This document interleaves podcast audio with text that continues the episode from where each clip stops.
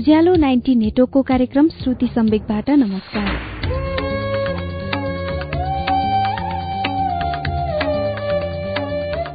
उज्यालो ninety network काठमाडौँसँगै देशभरिका अठारवटा FM स्टेशनहरूबाट हरेक मंगलबार र शुक्रबार राति सवा नौ बजे कार्यक्रम श्रुति सम्वेक प्रस्तुत हुन्छ। कार्यक्रम श्रुति सम्वेकमा हामी वरिष्ठ साहित्यकारहरूका उत्कृष्ट गद्यहरू वाचन गर्छौं। श्रुति सम्वेकको शुक्रबारको श्रृंखलामा हामीले आजदेखि एउटा अनुवादित उपन्यास शुरू गर्दैछौ। पावलो कोहेल्लोको उपन्यास द अल्केमिस्टको रितेश थापाद्वारा नेपालीमा अनुदित संस्करण किमियागर हामीले आजदेखि सुन्ने उपन्यास हो। यो उपन्यास विश्वभरि चौन्न भन्दा बढ़ी भाषामा अनुवाद भइसकेको छ। विश्वभरि एक सय एकचालिस देशहरूमा यो उपन्यास बिक्री भएको प्रकाशकले जनाएको छ। पावलो कोहेल्लोको यो उपन्यासले मानिसलाई आफ्नो सपना इच्छा र लक्ष्य पूरा गर्न प्रेरणा दिनुको साथै आफ्नो मनको कुरा सुन्न पनि सिकाउँछ। द अल्केमिस्ट अर्थात किमी यागरको पहिलो श्रृंखला वाचन सुनौ अच्युत घिमिरेको आवाजमा। सेन्टियागो त्यो केटोको नाम थियो। ऊ साँझ पर्ने पर्ने बेलामा आफ्ना भेडाहरूको बगालसँगै खाली भएको एउटा गिर्जाघरमा आइपुग्यो। त्यसको छाना धेरै अघि नै खसिसकेको थियो। त्यहाँ एउटा फिरफिरेको निकै ठूलो रुख उम्रेको थियो जहाँ कुनै बेला गिर्जाघरको वस्त्रालय हुने गर्थ्यो। त्यस रात उसले त्यहीँ बिताउने निर्णय गर्यो। भत्किसकेको ढोकाबाट भेडाहरू भित्र गएको हेरेर रातमा कतै पनि भौतारिनु नपरोस् भनेर त्यहाँ कोही काठका फलेकहरूले बार लगाइदियो। त्यस भेगमा बुवासोहरू त थिएनन् तर एकपटक एउटा भेडा बगालबाट छुट्टिएकोले त्यो भेडालाई खोज्न उसलाई त पुरै दिन नै लागेको थियो।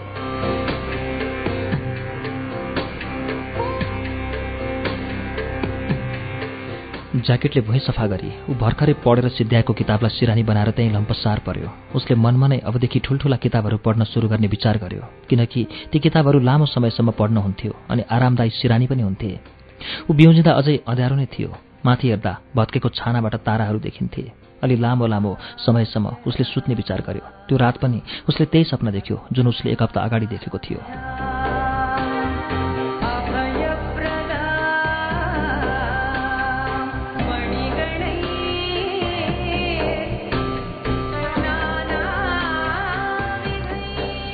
फेरि त्यही सपना पूरा हुन नपाउँदै उभिउजियो ऊ उठ्यो र टुप्पो बाङ्गिएको लट्ठीले अझ सुतिरहेका भेडाहरूलाई उठाउन थाल्यो। उठ्ने बित्तिकै उसले धेरै भेडाहरू यताउति गरिरहेको देख्यो।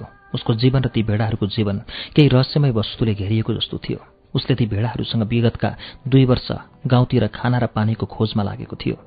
तिनीहरू मसँग पनि घुलिमिलिसकेका हुँदा तिनीहरूलाई मेरो सबै कामकाज थाहा छ। ऊ गुनगुनायो। यसै कुरालाई एकपल्ट सोचेर उसले आफू नै ती भेडाहरूको क्रियाकलापमा अभ्यस्त भएको बुझ्यो।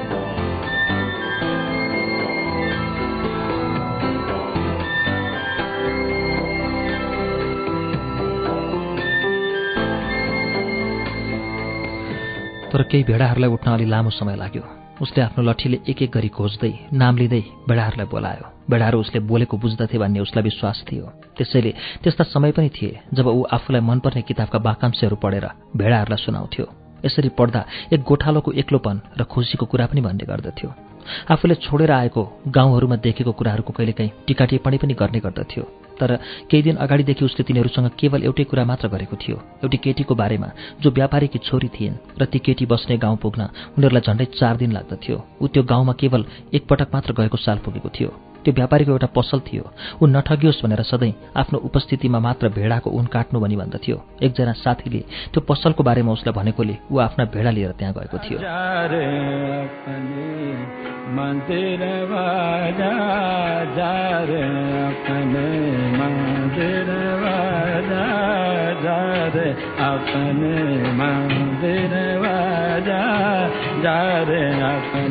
म केही उन बेच्न चाहन्छु केटोले व्यापारीलाई भन्यो। व्यापारी व्यस्त थियो र उसलाई मध्याहसम्म कुर्न आग्रह गर्यो। केटो त्यसैले पसलको श्रेणीमा बसेर झोलाबाट एउटा किताब निकाल्यो।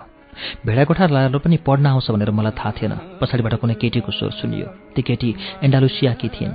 उनको लामा लामा काला केस र मुरिस विजेता लडाकुहरूको सम्झना दिने खालका आँखाहरू थिए। ल ल प्रायःजसो किताबहरूबाट भन्दा पनि ज्यादा म मेरा भेडाहरूबाट सिक्छु उसले भन्यो। दुई घण्टा जति तिनीहरूले धेरै कुराकानी गरे। त्यो केटीले उसलाई आफू व्यापारीकी छोरी भएकी र गाउँको जीवनका प्रत्येक दिन सधैँ एउटै जस्तो भएको बताइन्। उसले एन्डालुसियाको गाउँको बारेमा र आफूले घुमेका ठाउँहरूसँग सम्बन्धित वृत्तान्त सुनायो।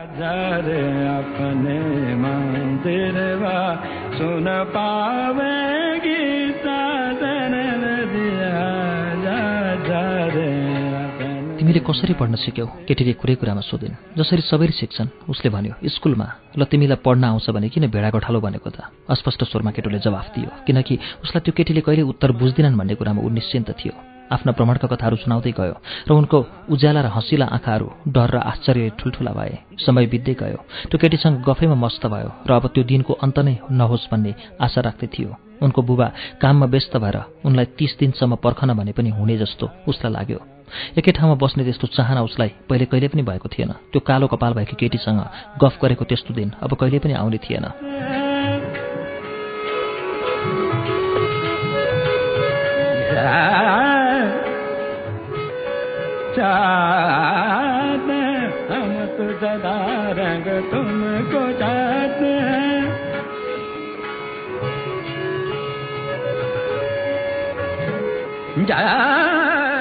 अनि अन्तमा व्यापारी आइपुगेर उसका चारवटा भेडाहरूको उन काट्न लगायो। केटोलाई पैसा दिँदै अब अर्को वर्ष आउनु अनि व्यापारीले भन्यो त्यहीँ गाउँ आइपुग्न अब चार दिन मात्र बाँकी थियो।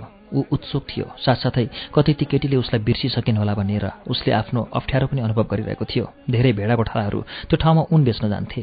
ऊ नभएर केही फरक पर्दैन। केटोले भन्यो मैले अरू ठाउँका केटीहरू पनि चिनेको छु। तर उसको मनमा त्यसले फरक पार्ने थियो। दिन ढल्दै थियो र ऊ आफ्ना भेडाहरूलाई घाम अस्ताउने दिशातिर लगिरहेको थियो। ती भेडाहरूलाई कहिले पनि आफैले निर्णय गर्नु पर्दैन। त्यसैले सायद यिनीहरू सधैँ मेरा नजिक बस्छन्। भेडाहरूलाई ध्यान आउने कुरा भनेको खाना र पानी मात्र थियो। जहिलेसम्म केटोलाई एन्डालुसियाको सर्वश्रेष्ठ चरणयोग्य ठाउँहरू थाहा हुनेछ तबसम्म तिनीहरू उसका साथी हुने थिए। उनीहरूको प्रत्येक दिन उस्तै हुन्थ्यो। उनीहरूले कहिले किताब पढेका थिएनन् र जब केटो उनीहरूलाई ठूला सहरहरूको कथा सुनाउँथ्यो उनीहरू केही बुझ्दैनथे। उनीहरू खानपानमा नै सन्तुष्ट थिए र त्यसको साटो उनीहरू उधार भएर उन दिन्थे यात्रामा साथ दिन्थे र कहिलेकाहीँ मासु पनि दिन्थे।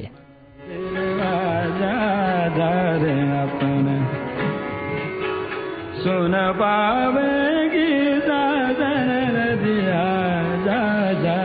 यदि म राक्षस भनेर यिनीहरूलाई एक एक गरी मार्ने विचार गरेँ भने धेरै बगालहरू मार्दा पनि यिनीहरूले थाहा पाउने छैनन्। उनीहरू ममा विश्वास गर्छन् र यिनीहरू आफैमा भर पर्न पनि भुलिसके किनकि म नै यिनीहरूलाई खानपानको व्यवस्था मिलाउँछु। आफ्नै विचारहरूप्रति उछक्क पर्यो सायद त्यो फिरफिरे रुख उम्रेको गिर्जाघरमा भूतहरूको पछिटा लागेको हुनुपर्छ। आफ्नो सोचाइमा नै उसले परिवर्तन ल्यायो। त्यसैले गर्दा उसले दोस्रोपल्ट पनि एउटै सपना देख्यो अनि आफ्ना विश्वासी साथीहरूप्रति पनि रिसले आगो भयो। उसले हिजो रातिको खानामा बाँकी रहेको रक्सी खायो र ज्याकेट नजिकै तान्यो। केही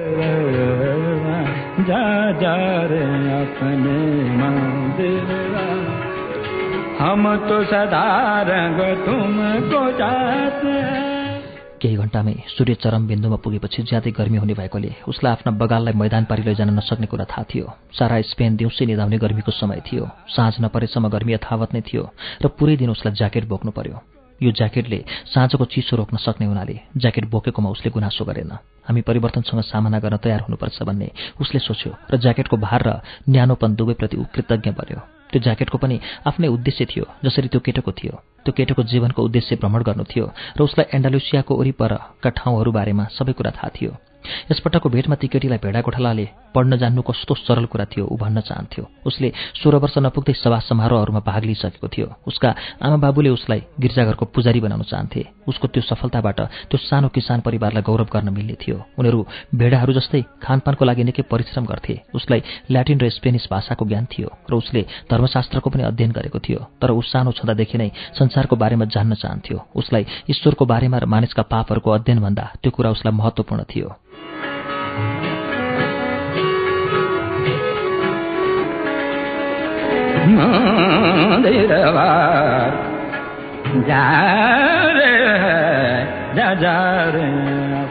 तर ऊ सानो छँदादेखि नै संसारको बारेमा जान्न चाहन्थ्यो उसलाई ईश्वरको बारेमा र मानिसका पापहरूको अध्ययनभन्दा त्यो कुरा उसलाई महत्त्वपूर्ण थियो एक दिन उसले आफ्नो बुबालाई आफू गिर्जाघरको पुजारी नबन्ने कुरा व्यक्त गर्यो ऊ भ्रमण गर्न चाहन्थ्यो बाबु सारा संसारबाट मानिसहरू यस ठाउँमा आई घुमेर जान्छन्। उसको बुबाले भन्नुभयो उनीहरू यहाँ नयाँ चिजहरूको खोजीमा आउँछन् तर जब फर्कन्छन् उनीहरू आउँदा जस्ता थिए त्यस्तै हुन्छन्।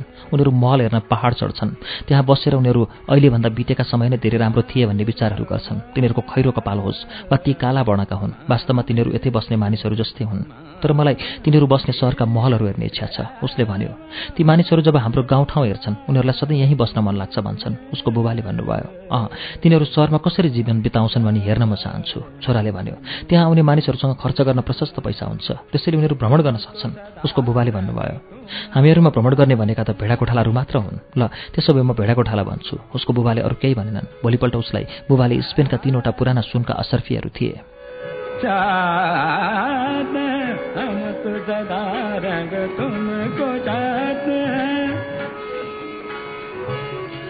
मैले यी असर्फीहरू एक दिन खेतमा काम गर्दा पाएको थिएँ। यो म तिमीलाई दिन चाहन्छु।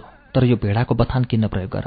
भेडाहरूलाई खेतमा चराउनलाई जाऊ। हाम्रो गाउँ सबैभन्दा राम्रो र यहाँका नारीहरू सबैभन्दा सुन्दर पाउनेछौ। उसले केटोलाई आशीर्वाद दियो। केटोले बुबाको आँखामा एक्लै विश्व भ्रमण गर्न सक्षम हुने चाहना अझै जिउँदै देख्यो। उसको हजुरबुबाले बुबाको चाहनामा साठी वर्षसम्म रोक लगाएका थिए। उनीहरूलाई खाना लाउनको लागि सङ्घर्ष गर्नुपर्ने थियो।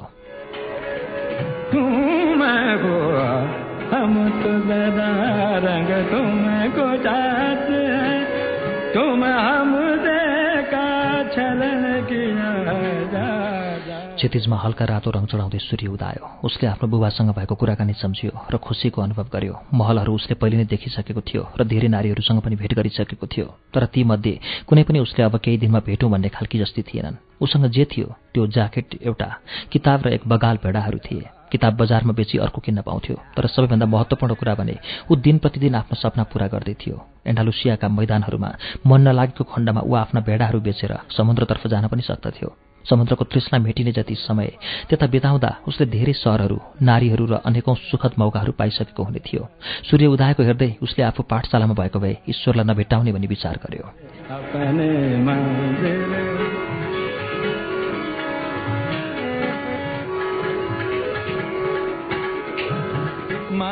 जहिलेसम्म ऊ भ्रमण गर्न सक्थ्यो। ऊ नयाँ बाटाहरू खोज्दै हुने थियो। त्यो ठाउँ वरपर धेरै घुमे पनि त्यो गिर्जाघरमा भने ऊ पहिले कहिले गएको थिएन। संसार निकै ठुलो छ। मानिसलाई यो अनन्त नै लाग्छ। भेडाहरूलाई एउटा बाटोमा हिँड्न लगाएर ऊ एकछिन अचम्मका कुराहरू पत्ता लगाउने गर्थ्यो। भेडाहरू सधैँ नयाँ बाटो हिँडे पनि उनीहरूले कहिले पनि कुरा बुझ्ने थिएनन्। तिनीहरूलाई नयाँ खेतहरू र परिवर्तन भएका मौसमहरूको केही मतलब थिएन। तिनीहरू खालि खाना र पानी मात्र सोच्दथे। सायद हामी सबैको हालत पनि त्यस्तै होला केटोले विचार गर्यो। म पनि उनलाई भेटेदेखि अरू कुनै केटीको बारेमा सोचेको पनि छैन। उसले मनमा नै भन्यो घामतिर हेरी। उसले मध्याह अघि नै तरिफा पुग्ने विचार गर्यो। त्यहाँ उसले आफ्नो किताब एउटा ठूलो किताबसँग साट्नु थियो। उसले रक्सीको भाँडो भर्ने दारी कपाल खौरने विचार गर्यो। त्यो केटीसँगको भेट्नको लागि उसलाई तयार हुनु थियो। भेडाहरू भएको भेडा गोठालाले उनको हात मागिसक्यो होला भन्ने सम्भावनामा पनि ऊ विचार गर्न चाहँदैनथ्यो सपना चरितार्थ हुने सम्भावनाले मानिसको जीवन रोचक बनाउँछ। उसले विचार गर्यो ऊ घामको स्थिति अवलोकन गर्दै छिटछिटो पाइला चाल्यो। तरिफामा सपनाको अर्थ बुझाउने एउटी बुढी आइमे भएको उसलाई अक्का झक्का सम्झना भयो।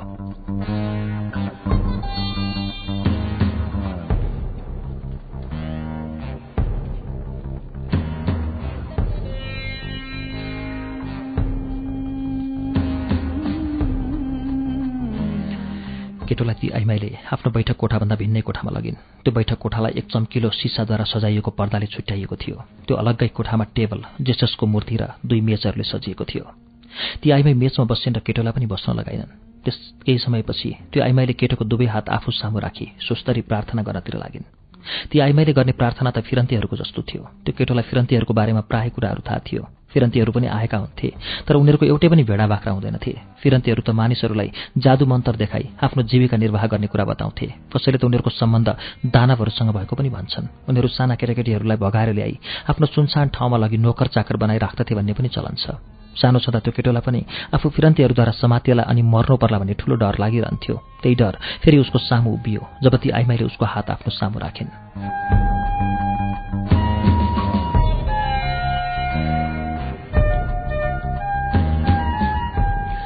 तर ती आइमाईसित प्रभु इस्सु भएको हुँदा त्यो केटोले आफूभित्र रहेको डरलाई बिर्सी पुनः निडर भयो। आफ्ना हातहरू कामेर आफू डराएको कुरा त्यो आइमाई सामु देखाउन चाहँदैनथ्यो उसलाई आइमाईले भनिन् धेरै रमाइलो भयो तर उनले आफ्नो आँखा चाहिँ त्यो केटोको हातबाट हटाइनन् र उनी शान्त भइन्। धेरै डराएको थियो केटो। उसका हातहरू डरले कामेको त्यो आइमाईलाई अनुभव भइसकेको थियो र आफ्ना हात त्यो आइमाईको हातबाट हत्तपत्त निकाल्यो। म यहाँ तिमीलाई मेरो हात पढिदेऊ भनेर आएको होइन दुखित भएर केटाले भन्यो। आफूले प्राय धेरै पटक देखिरहेको एउटै सपनालाई उसले अब विशेष महत्व दियो।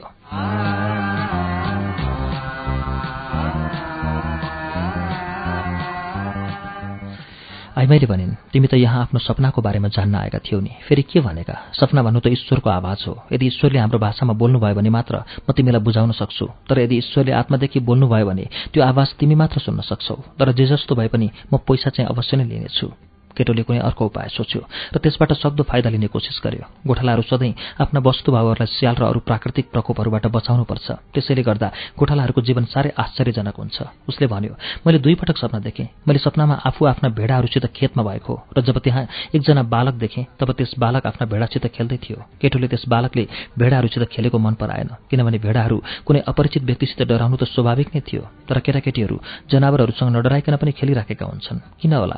जनावरहरूले मानिसको उमेर कसरी थाहा पाउन सक्छन्? मलाई थाहा छैन। मलाई त थाहै भएन। मलाई तिम्रो सपनाको बारेमा केही भन। आइमाईले भनिन्। मलाई खाना बनाउन जानुपर्छ र फेरि तिमीसित धेरै पैसा नभएकोले म तिमीलाई धेरै समय दिन सक्दिनँ। त्यो बालक मेरो भेडाहरूसित केही बेर खेलिरह्यो र त्यस केही समयपछि निराश भएर बालकले मेरो हात समाति मलाई पिरामिड भएको सहर इजिप्टमा पुऱ्यायो। केटोले आइमाईसँग भन्यो।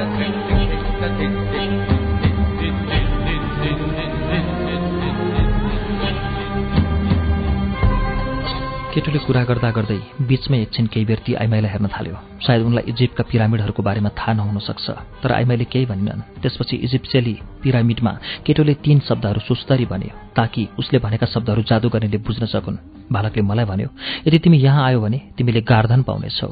त्यो बालकले जब त्यो केटोलाई सम्पत्ति राखेको एकिन ठाउँ देखाउन लाग्यो तब म बिउजेँ। आइमाई केही बेर शान्त भइन् र केटोको हात फेरि ध्यानपूर्वक पढ्न थालिन् म अहिले तिमीसँग केही पैसा लिन्न तर त्यो गार्दन भेटाएमा मलाई दस भागको एक भाग दिनुपर्छ ती आइमाईले भनिन्। किनभने उसले आफूसित भएको जाबो थोरै पैसा एउटा सपनामा देखेको सम्पत्तिबाट बचाउन सकेकोमा त्यो केटो खुसीले हाँस्यो। ठिक छ अब उनले सोझो कुरा गरिन् तिमीले सम्पत्ति भेटाएको खण्डमा दस भागको एक भाग मलाई दिने भनेर केटोले क्रिया खायो तर पनि आइमाईले प्रभु यीशुतर्फ हेरी पुनः क्रिया खान बाध्य तुलायो। यो सपना चाहिँ एउटा विश्वको भाषा हो। आइमाईले भनिन् म त्यसको अर्थ उल्था गर्न त सक्छु तर गाह्रो भने निकै छ। त्यसैले त्यो सम्पत्तिको केही भाग तिमीसँग म माग्दैछु। यो चाहिँ मेरो अर्थ हो। तिमी चाहिँ इजिप्टको पिरामिडमा जाऊ। मैले त त्यसको बारेमा सुनेकी छैन। तर पनि यदि त्यो बालकले तिमीलाई जाऊ भन्छ भने तिमी त्यहाँ जाऊ। त्यहाँ गएपछि तिमीले त्यहाँ सम्पत्ति पाउनेछौ जसले तिमीलाई निकै धनी बनाउन सक्नेछ।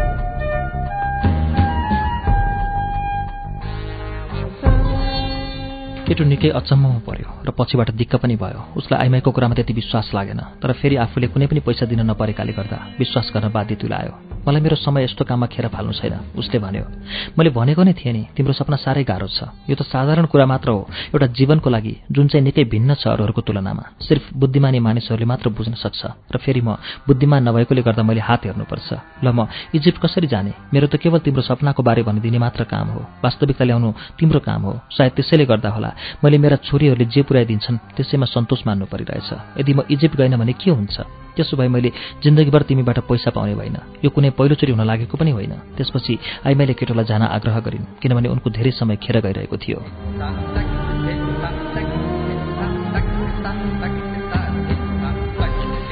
केटो आफ्नो सपना देखेर साह्रै निराश भयो र उसले अब कहिले पनि सपनामा विश्वास नगर्ने भनी सोच्यो। ऊ पनि आफूले गर्नुपर्ने जिम्मेवारीहरू सम्झेर केही खानेकुरा लिन बजारतर्फ लाग्यो। किताब साटेर उसले एउटा ठूलो ठाउँ देखेर त्यहाँ बसी रक्सी खायो। दिन साह्रै गर्मी भएकोले होला रक्सी पनि आनन्ददायी थियो। बजारको ढोकामा उसको साथीको टेबल नजिकै थियो भेडा बाख्राहरू जुन उसका साथी थिए। यो चाहिँ यही थियो कि ऊ धेरैभन्दा धेरै साथी बनाउन सक्थ्यो र उसलाई कुनै जरुरी पनि थिएन कि ऊ आफ्नो पुराभन्दा पुरा समय उनीहरूलाई दियोस्। जब कोही कसैलाई सधैँ देखिरहन्छ र फेरि उनीहरू एउटै किसिमको कामकाज गर्छन् भने साथी हुन् त स्वाभाविक नै हो। तर यदि दुवैमा समझदारी भएन भने छुट्टिनु स्वाभाविक नै छ। यदि कसैलाई कोही मन नपरेमा छुट्टिनु वास्तविक कुरा हो सबै साथीहरू आफूले चाहेको जस्तो होस् भनी सोध्छन् तर अरूले आफ्नो बारेमा सोचेको कुरा बिर्सन्छन्।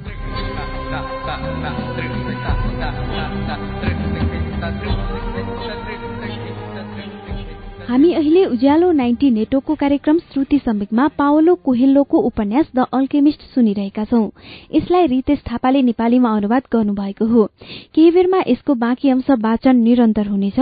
उज्यालो सुन्दै गर्नुहोला।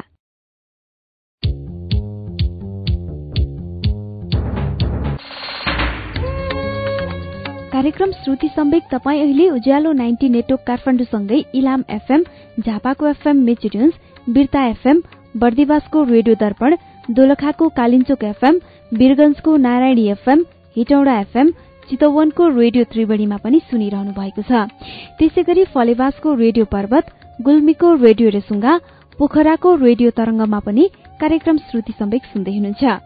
रेडियो प्युठान दाङको रेडियो मध्यपश्चिम कपिलवस्तुको रेडियो बुद्ध आवाज भेरीको रेडियो कोहलपुर सल्यानको रेडियो राप्ती सुर्खेतको रेडियो भेरी र जुम्लाको रेडियो कर्णालीबाट पनि अहिले एकैसाथ श्रुति सम्वेक प्रसारण भइरहेको छ। श्रुति सम्वेकको आजको श्रृंखलामा हामी पावलो कोहेल्लोको द अल्केमिस्ट उपन्यास सुनिरहेका छौं। अब यसको बाँकी अंश सुनौ।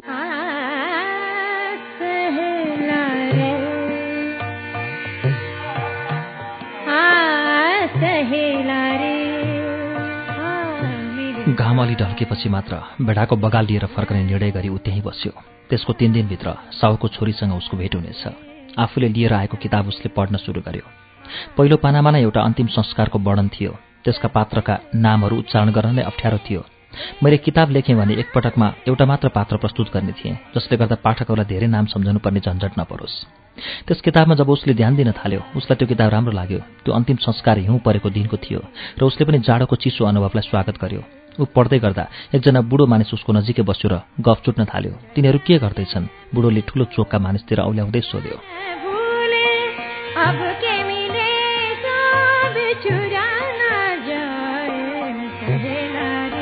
काम गर्दै उसले स्पष्ट जवाफ दियो किनकि ऊ पढ्नमै ध्यान दिन चाहन्थ्यो। वास्तवमा ऊ दिवा स्वप्नमा थियो। साउको छोरीको सामुन्ने भेडाको उन काटिरहेको ताकि उनलाई थाहा होस् कि ऊ त्यस्तो गाह्रो काम गर्न पनि समर्थवान छ। उसले त्यस्ता क्षणहरू धेरै पटक सोचिसकेको थियो। प्रत्येक पटक त्यो केटी आकर्षित हुन्थिन्। उसले भेडाको उन पछाडिबाट अघिल्तिर काट्नुपर्छ भनी बुझाउँथ्यो। ऊ राम्रा राम्रा कथा पनि सुनाउन सम्झने गर्थ्यो। प्रायः ती सबै कथाहरू उसले पढेका किताबहरूकै हुन्थे तर जसरी ऊ आफ्नै अनुभव व्यक्त गर्दथ्यो सो कुरा त्यो केटीले थाहा पाउने थिएन किनकि उसलाई पढ्न नै आउँदैन थियो। त्यतिकैमा त्यस बुढो मानिसले गफ गर्न जिद्दी नै गर्यो। ऊ आफू थकित र प्यासी छु भन्यो र अलिकति रक्सी पाउँछु कि भनी सोध्यो। उसले बुढोलाई रक्सीको पुरै भाँडा दियो। बुढोले उसलाई एक्लै छोडिदिन्छ कि भन्ने आशामा बुढो मानिस उसँग कुरा गर्न चाहन्थ्यो र कुन किताब पढिरहेको भनी सोध्यो ऊ खुसीले अर्को बेन्चमा जानेछ तर उसको बुबाले आफूभन्दा ठुलालाई आदर गर्नुपर्छ भनेर सिकाउनु भएको थियो। त्यसैले त्यो किताब नै उसले बुढोको हातमा दियो। हातमा नै किताब किन दियो भन्ने कुरामा दुईटा कारण थिए। पहिला त उसलाई त्यो शीर्षक नै राम्रोसँग उच्चारण गर्नमा अप्ठ्यारो लाग्यो र दोस्रो त्यो बुढालाई पढ्न नआउने रहेछ भने लाज मानेर बुढो अर्को बेन्चमा गई बस्नेछ कि भन्ने आशामा।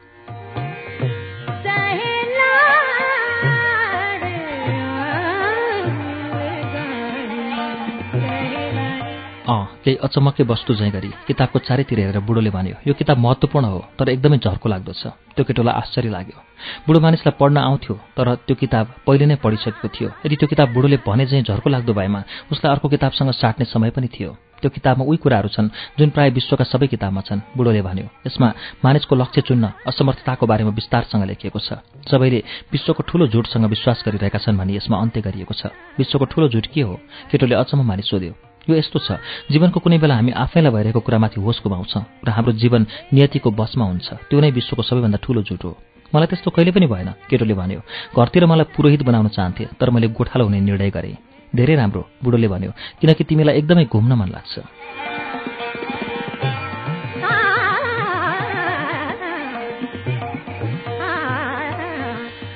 मैले जे सोचिरहेको थिएँ बुढोले थाहा पायो। केटोले मनमा नै भन्यो त्यतिकैमा बुढो मानिस किताबका पानाहरू पल्टाउँदै थियो। उसलाई फर्काउनै नपर्ने गरी। बुढोको लभाइ अनौठो किसिमको रहेछ भने त्यो केटोले याद गर्यो। ऊ अरबी जस्तै देखिन्थ्यो। अरबीहरू त्यो भेगका असाधारण थिएनन्। अफ्रिकाभन्दा केही क्षण मात्र टाढा थियो। बाटोका साँगुरो जलमडो रुखहरूमध्ये कुनै डुङ्गाले तर्नुपर्ने थियो। अरबीहरू सहरमा किनमेल र केही अनौठो प्रार्थना गर्दै गरेको प्राय देखिन्छन्। तपाईँ कहाँबाट आउनुभएको? केटोले सोध्यो। धेरै ठाउँहरूबाट। धेरै ठाउँहरूबाट त कोही पनि हुन सक्दैन केटोले भन्यो। म एउटा गोठाला हुँ र म धेरै ठाउँमा पुगेको छु तर म एकै ठाउँबाट आएको हुँ पुरानो महल नजिकैको सहरबाट। त्यही त हो त्यो ठाउँ जहाँ म जन्मेँ। ए त्यसो भए म सालेममा जन्मेको हुँ भन्न सक्छौ? बुढोले भन्यो। त्यो केटोलाई सालेम कहाँ छ भन्ने थाहा थिएन तर ऊ आफू केही नजान्ने जस्तो हुने डरले बुढोलाई सोध्न चाहँदैन थियो। चोक बजारका मानिसहरूलाई उसले एकछिन हेरिरह्यो तिनीहरू भित्र बाहिर गर्दै थिए र सबै निकै व्यस्त थिए। अँ त्यसो भए सालेम कस्तो छ त? उसले केही जान्ने आशामा सोध्यो। त्यो त सधैँ भइरहे जस्तै छ। उसले केही जानकारी पाएन तर उसलाई सालेम एन्डालोसियामा चाहिँ पर्दैन भनेर थाहा थियो। त्यहाँ पर्ने भएको भए त उसले पहिले नै त्यो ठाउँको नाम सुनिसकेको हुन्थ्यो। अनि तपाईँ सालेममा के गर्नुहुन्छ? उसले जिज्ञासा राख्यो म सालेममा के गर्छु? बुढो हाँस्यो म सालेमको राजा हुँ उसले जवाफ दियो।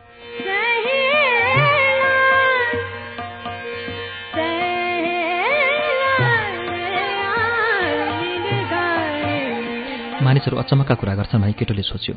कहिलेकाहीँ त भेडाहरूसँगै हुनु नै राम्रो किनकि उनीहरू त केही त भन्दैनन्। अझ राम्रो त आफ्नो किताबसँग एक्लै बस्नु पो हुन्छ। तिनीहरू जहिले मन लाग्यो त्यसै बेला असाध्यै राम्रा कथाहरू पनि सुनाउँछन्। तर हामी जब मानिसहरूसँग कुरा गर्छौँ तिनीहरू कस्ता कस्ता अनौठा कुरा गर्छन् र कुराकानी कसरी अगाडि बढाउने भनी आफैलाई थाहा हुँदैन। मेरो नाम मेल्जिभिडेटेक हो बुढोले भन्यो। तिमीसँग कति भेडाहरू छन्? प्रशस्त केटोले भन्यो। उसको जीवन सम्बन्धी धेरै कुरा बुढो जान्न चाहन्थ्यो भने उसले बुझ्यो। ए त्यसो भए त हामीलाई एउटा समस्या पर्यो नि त। यदि तिमीसँग धेरै भेडाहरू छन् भने त म सहयोग गर्न नसक्ने भएँ। केटोलाई रिस उठ्न थाल्यो। उसले सहयोग मागिरहेको पनि थिएन। त्यो त बुढो मानिस नै थियो जसले रक्सी मागेको थियो र गपसप सुरु गरेको थियो। मेरो किताब फिर्ता देऊ त्यो केटोले भन्यो। मलाई भेडाहरू बटुलेर अझै टाढा जानु छ। मलाई तिम्रो भेडाको दस भागको एक भाग भेडा देऊ अनि म गुप्त खजाना कसरी पाउने भन्ने बारेमा तिमीलाई भनिदिउँला बुढोले भन्यो। त्यो केटोले आफ्नो सपना सम्झ्यो र अचानक सबै कुरा उसलाई प्रष्ट हुन थाल्यो। ती बुढी आइमाईले त केही पनि तिर्न लगाएनन् तर यो बुढो सायद त्यो बुढीकै श्रीमान जस्तो छ। एउटै कुरा जुन साँचो पनि छैन होला त्यो सुनाएर मबाट धेरै पैसा लिन खोजेको जस्तो छ। सायद त्यो बुढो पनि फिरन्ते जातिको जस्तो छ भनी उसले सोच्यो।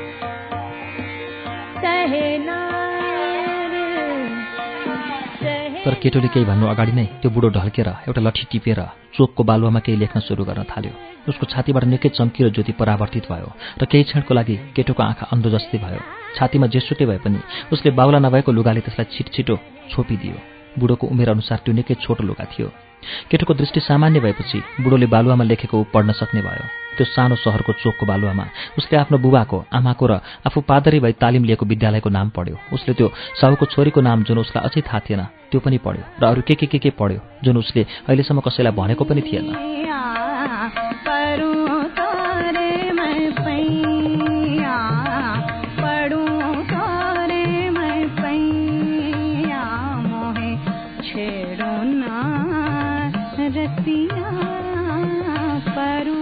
सालेमको राजा हुँ। त्यो बुढोले भनेको थियो एउटा राजा किन एउटा गोठालोसँग कुरा गरिरहन्छ? त्यो केटोले सोध्यो धेरै कारणहरूले गर्दा तर सबैभन्दा महत्त्वपूर्ण कारण भने तिमीले आफ्नो लक्ष्य पत्ता लगाउन सफल भएकोले नै हो। त्यो केटोलाई मानिसको लक्ष्य के हो भन्ने थाहा थिएन। त्यो त्यही नै हो जुन तिमीले सधैँ पुरा गर्न चाहेका थियौ। जब तिनीहरू युवा युवती हुन्छन् सबैजनालाई आफ्नो लक्ष्य थाहा हुन्छ।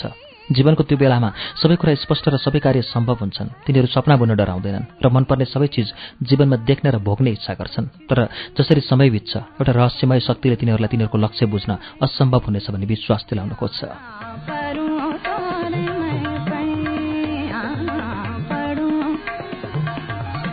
बुढोले भनेको कुनै कुराले पनि केटोलाई केही अर्थ बुझाएन तर ऊ रहस्यमय शक्ति के हो भनी जान्न चाहन्थ्यो किनकि त्यो कुरा साउकी छोरीलाई सुनाएर उसलाई प्रभाव पार्ने ऊ गर्दै थियो। यो एउटा शक्ति हो जुन नकारात्मक भई देखा पर्छ तर वास्तवमा यसले कसरी आफ्नो लक्ष्य बुझ्ने भनी देखाइसकेको हुन्छ। यसले तिम्रो आत्मा र इच्छा शक्तिलाई तयार पार्छ किनकि यस संसारमा एउटा महत्त्वपूर्ण सत्य छ। तिमी जो भए पनि वा तिमीले जे गरे पनि जब तिमी साँच्चै केही चिजको चाहना गर्छौ त्यो आकाङ्क्षा सम्पूर्ण ब्रह्माण्डको आत्मामा उत्पत्ति हुन्छ। त्यो नै तिम्रो लक्ष्य हो पृथ्वीमा आउनुको। तिमीले चाहेको सबै थोक केवल भ्रमण गर्नु नै भए तापनि वा कपडा दोकानको साउको छोरीलाई विवाह गर्नु नै भए पनि वा खजनाको खोजी नै मानिसहरूको खुसीले नै विश्वको आत्मा पोषित हुन्छ। साथै दुःख ईर्ष्या डाहाले पनि वास्तवमा आफ्नो लक्ष्य बुझ्नु नै मानिसको एकमात्र गर्नुपर्ने काम हो। सबै थोक एकै हुन् र जब तिमी केही चिजको चाहना गर्छौ तब सारा ब्रह्माण्ड नै तिमीलाई त्यसको प्राप्तिको लागि सहयोग गर्न सम्मिलित हुन्छ।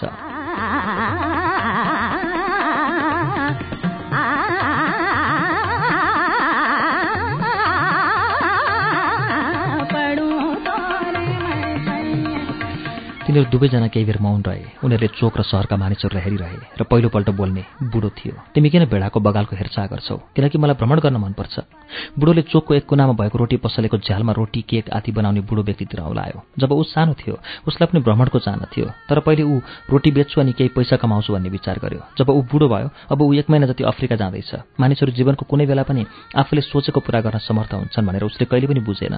उसले भेडा कोठालो बने निर्णय गर्नुपर्ने थियो। केटोले भन्यो अँ उसले त्यसबारे बारेमा पनि सोचेको थियो। बुढोले भन्यो तर रोटी बेच्नेहरू भेडा गोठालाहरूभन्दा महत्त्वपूर्ण हुन्छन्। रोटी बेच्नेहरूसँग घर हुन्छ जबकि भेडा गोठालाहरू खुला आकाशमणि सुत्छन्। आमा बुबा पनि आफ्ना सन्तानको विवाह भेडा गोठालाहरूसँग भन्दा रोटी पसलेहरूसँग गरेको हेर्न चाहन्छन्। साउकी छोरी सम्झेर एक्कासी केटोको मुटुमा पीडा भयो। उनको सहरमा त पक्कै एउटा रोटी पसले छ। बुढोले फेरि भन्यो अन्तमा मानिसले रोटी पसले र भेडा गोठालोको बारेमा के सोध्छन् त्यो नै तिनीहरूलाई आफ्नो लक्ष्यभन्दा महत्त्वपूर्ण हुन जान्छ।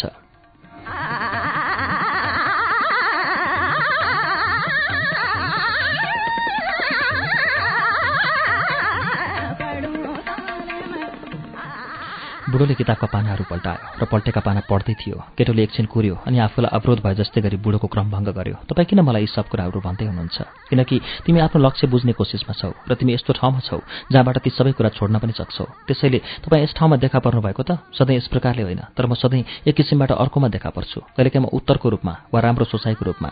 अरू बेला अप्ठ्यारो परेको बेलामा म कार्यको हल सजिलैसँग गराइदिन्छु। मैले गर्ने अरू कुराहरू पनि छन् तर धेरैजसो मानिसहरू मैले गरेको भनेर बुझ्दैन। एक साता अगाडिको कुरा। उसले प्रसङ्गमा ल्यायो जबकि ऊ एक खानीमा काम गर्ने व्यक्तिको सामान्य जान बाध्य भएको थियो। त्यो खानीमा काम गर्ने व्यक्तिले पन्नाको खोजीमा आफ्नो सर्वस्व त्यागेको थियो उसले। पाँच वर्षसम्म उसले एउटा खोलामा काम गर्यो र सयौँ हजारौँ ढुङ्गाहरूको निरीक्षण गर्यो। त्यो व्यक्तिले त्यो काम छोड्नै आँटेको थियो। त्यस्तो बेलामा यदि उसले एउटा ढुङ्गो मात्र निरीक्षण गरेको भए उसले पन्ना भेट्ने थियो। त्यो व्यक्तिले आफ्नो लक्ष्यको लागि सर्वस्व त्यागेकोले बुढोले उसलाई सहयोग गर्न मन लाग्यो। आफैलाई ऊ ढुङ्गामा परिवर्तित भई त्यो व्यक्तिको पैतालोमा गुड्दै पुग्यो। आफ्नो खेर गएको पाँच वर्ष र आशाभङ्ग भएको कारणले गर्दा त्यो व्यक्तिले रिसले खुट्टाको ढुङ्गा टिपेर छेउमा फाल्यो। त्यो ढुङ्गा यति जोडले फालेका थिए कि ढुङ्गा फुटेर भित्रबाट संसारकै सबैभन्दा राम्रो पन्ना भेट्टायो। जीवनका प्रारम्भिक समयमै मानिसले आफ्नो अस्तित्व हुनुको कारण जानेका हुन्छन्। बुढोले केही टर्रो स्वरमा भन्यो सायद त्यसै कारणले गर्दा तिनीहरूले छिट्टै लक्ष्य छोडिदिएको जस्तो छ तर त्यसको तरिका नै यस्तै छ।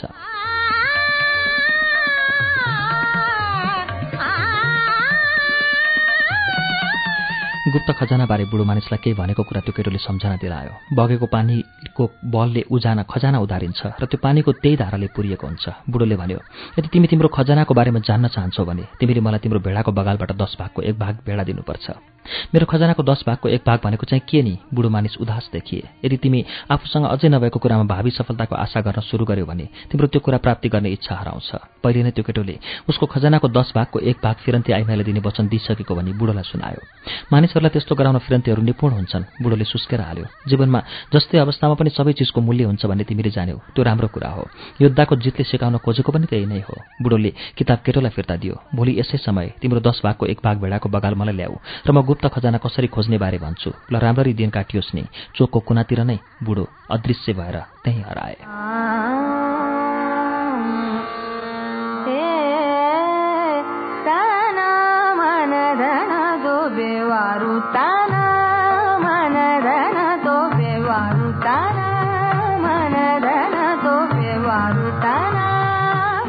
किताब फेरि पढ्न थाल्यो केटो। तर उसले किताबमा ध्यान दिन सकेन।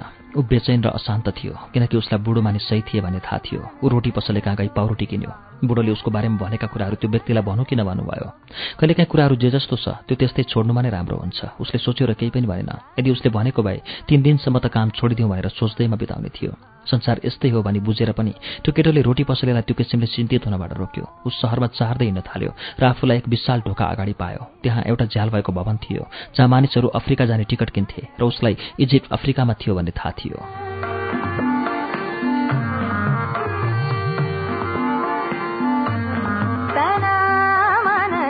म तपाईँलाई सहयोग गर्न सक्छु झ्याल पछाडिबाट मानिसले सोध्यो। सायद भोलि केटोले त्यहाँबाट हिँड्दै भन्यो। उसले एउटा भेडो बेचे मात्र पनि जल डमरूमध्येको एक अर्को किनारा पुग्ने थियो।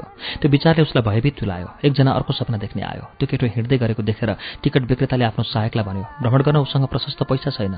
टिकट बेच्ने झ्यालमा उभिँदा उसले आफ्ना बगाललाई सम्झ्यो र भेडागोठालो हुने निदो गर्दै फर्कने सुर कस्यो।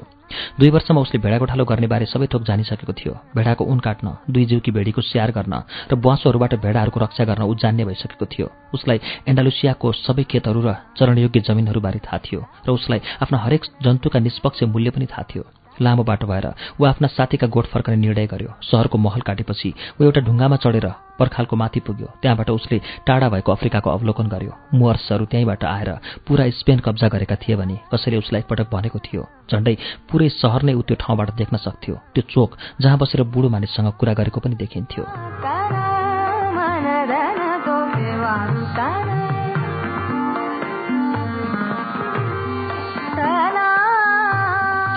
धिक्कार छ त्यो बुढोलाई भेटेको समय।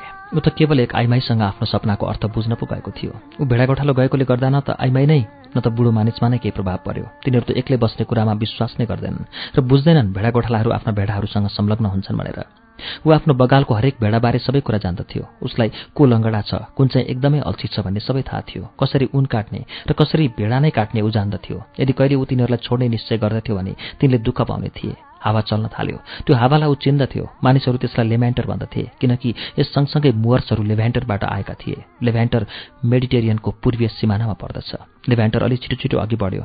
म त्यहाँ आफ्नो बगाल र खजानाको बीचमा छु भने केटोले सोच्यो। उसले ती दुई मध्ये एउटालाई छान्नुपर्ने थियो। एकातिर उसको बानी परिसकेका भेडाहरू र अर्कोतिर केही ग्रहण गर्ने उसलाई चाहना थियो।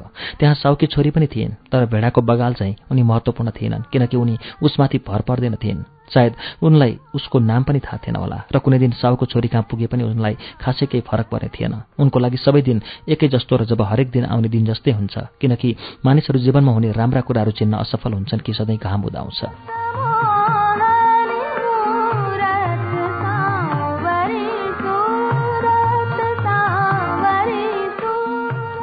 मैले मेरो बुबा मेरी आमा र त्यो सहरको महललाई पछाडि नै छाडेँ। म टाढा भएको तिनीहरूलाई बानी पर्दैछ भनी केटोले सोच्यो। ऊ जहाँ बसेको थियो त्यहाँबाट उसले त्यो चोक देख्न सक्थ्यो जहाँ मानिसहरू रोटी पसलेको दोकानभित्र बाहिर आउँदै जाँदै गर्दै थिए। एक युगल जोडी त्यही बेन्चमा बसे जहाँ उसले बुढो मानिससँग कुरा गरेको थियो।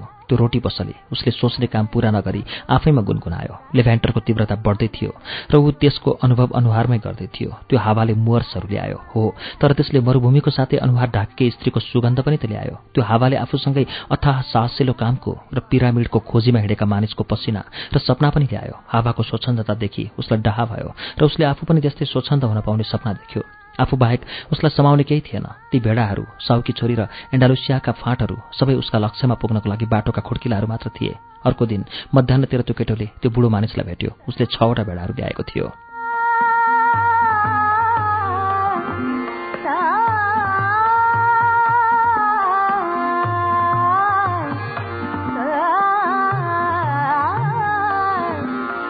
म त चकित भएँ त्यो केटोले भन्यो। मेरो साथीले तुरुन्तै अरू भेडाहरू ल्याइदियो जो सधैँ भेडा गोठालो बन्ने सोच्थ्यो र त्यो एउटा राम्रो लक्षण हो भने उसले भनेको थियो।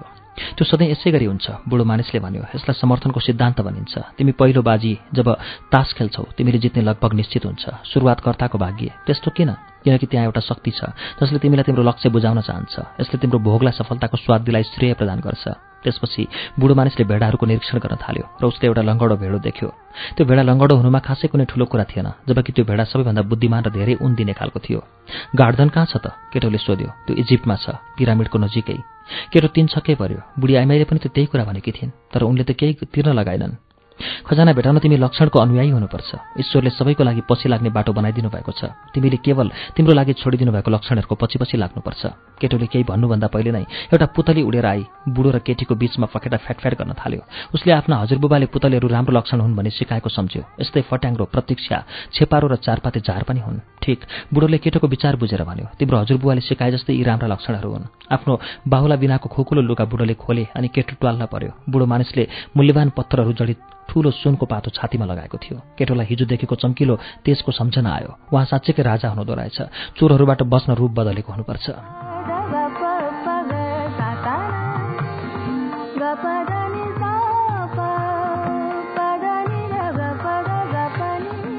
कार्यक्रम श्रुति सम्वेकमा अहिले सुनेको वाचन पाओलो कोहेल्लोद्वारा लिखित उपन्यास द अल्केमिस्ट थियो। यस पुस्तकलाई रितेश थापाले नेपालीमा अनुवाद गर्नुभएको हो। वाल्डेन बुक हाउस क्षेत्रपाटीले यो पुस्तक प्रकाशनमा ल्याएको हो। पृष्ठ पच्चिसमा आएर हामीले आजको वाचन रोकेका छौं। अर्को हप्ता आजकै दिन आजकै समयमा द अल्केमिस्ट अर्थात किमी यागर वाचनको दोस्रो श्रृंखला सुन्नेछौ। त्यसअघि मंगलबारको श्रुति सम्वेकमा विश्वेश्वर प्रसाद कोइरालाको उपन्यास सुम्नीमा सुन्नेछौ। यससँगै आजलाई कार्यक्रम श्रुति सम्वेक यति नै। कार्यक्रम श्रुति सम्वेकबाट विदा हुनु अघि हाम्रो ठेगाना यस प्रकार छ। कार्यक्रम Shruti Samvek Ujyaalo ninety network post box number छ चार छ नौ काठमाडौँ। यदि तपाईँ इमेलबाट आफ्नो प्रतिक्रिया दिन चाहनुहुन्छ भने हाम्रो इमेल ठेगाना हो S H R U T I Shruti at UNN dot com dot NP हवस् त आजका लागि प्राविधिक साथी दिनेश निरौला र सशिन्द्र गौतमसँगै आख्यानवाचक अच्युत घिमिरे र म सजिता हमाल विदा चाहन्छौ। शुभरात्री।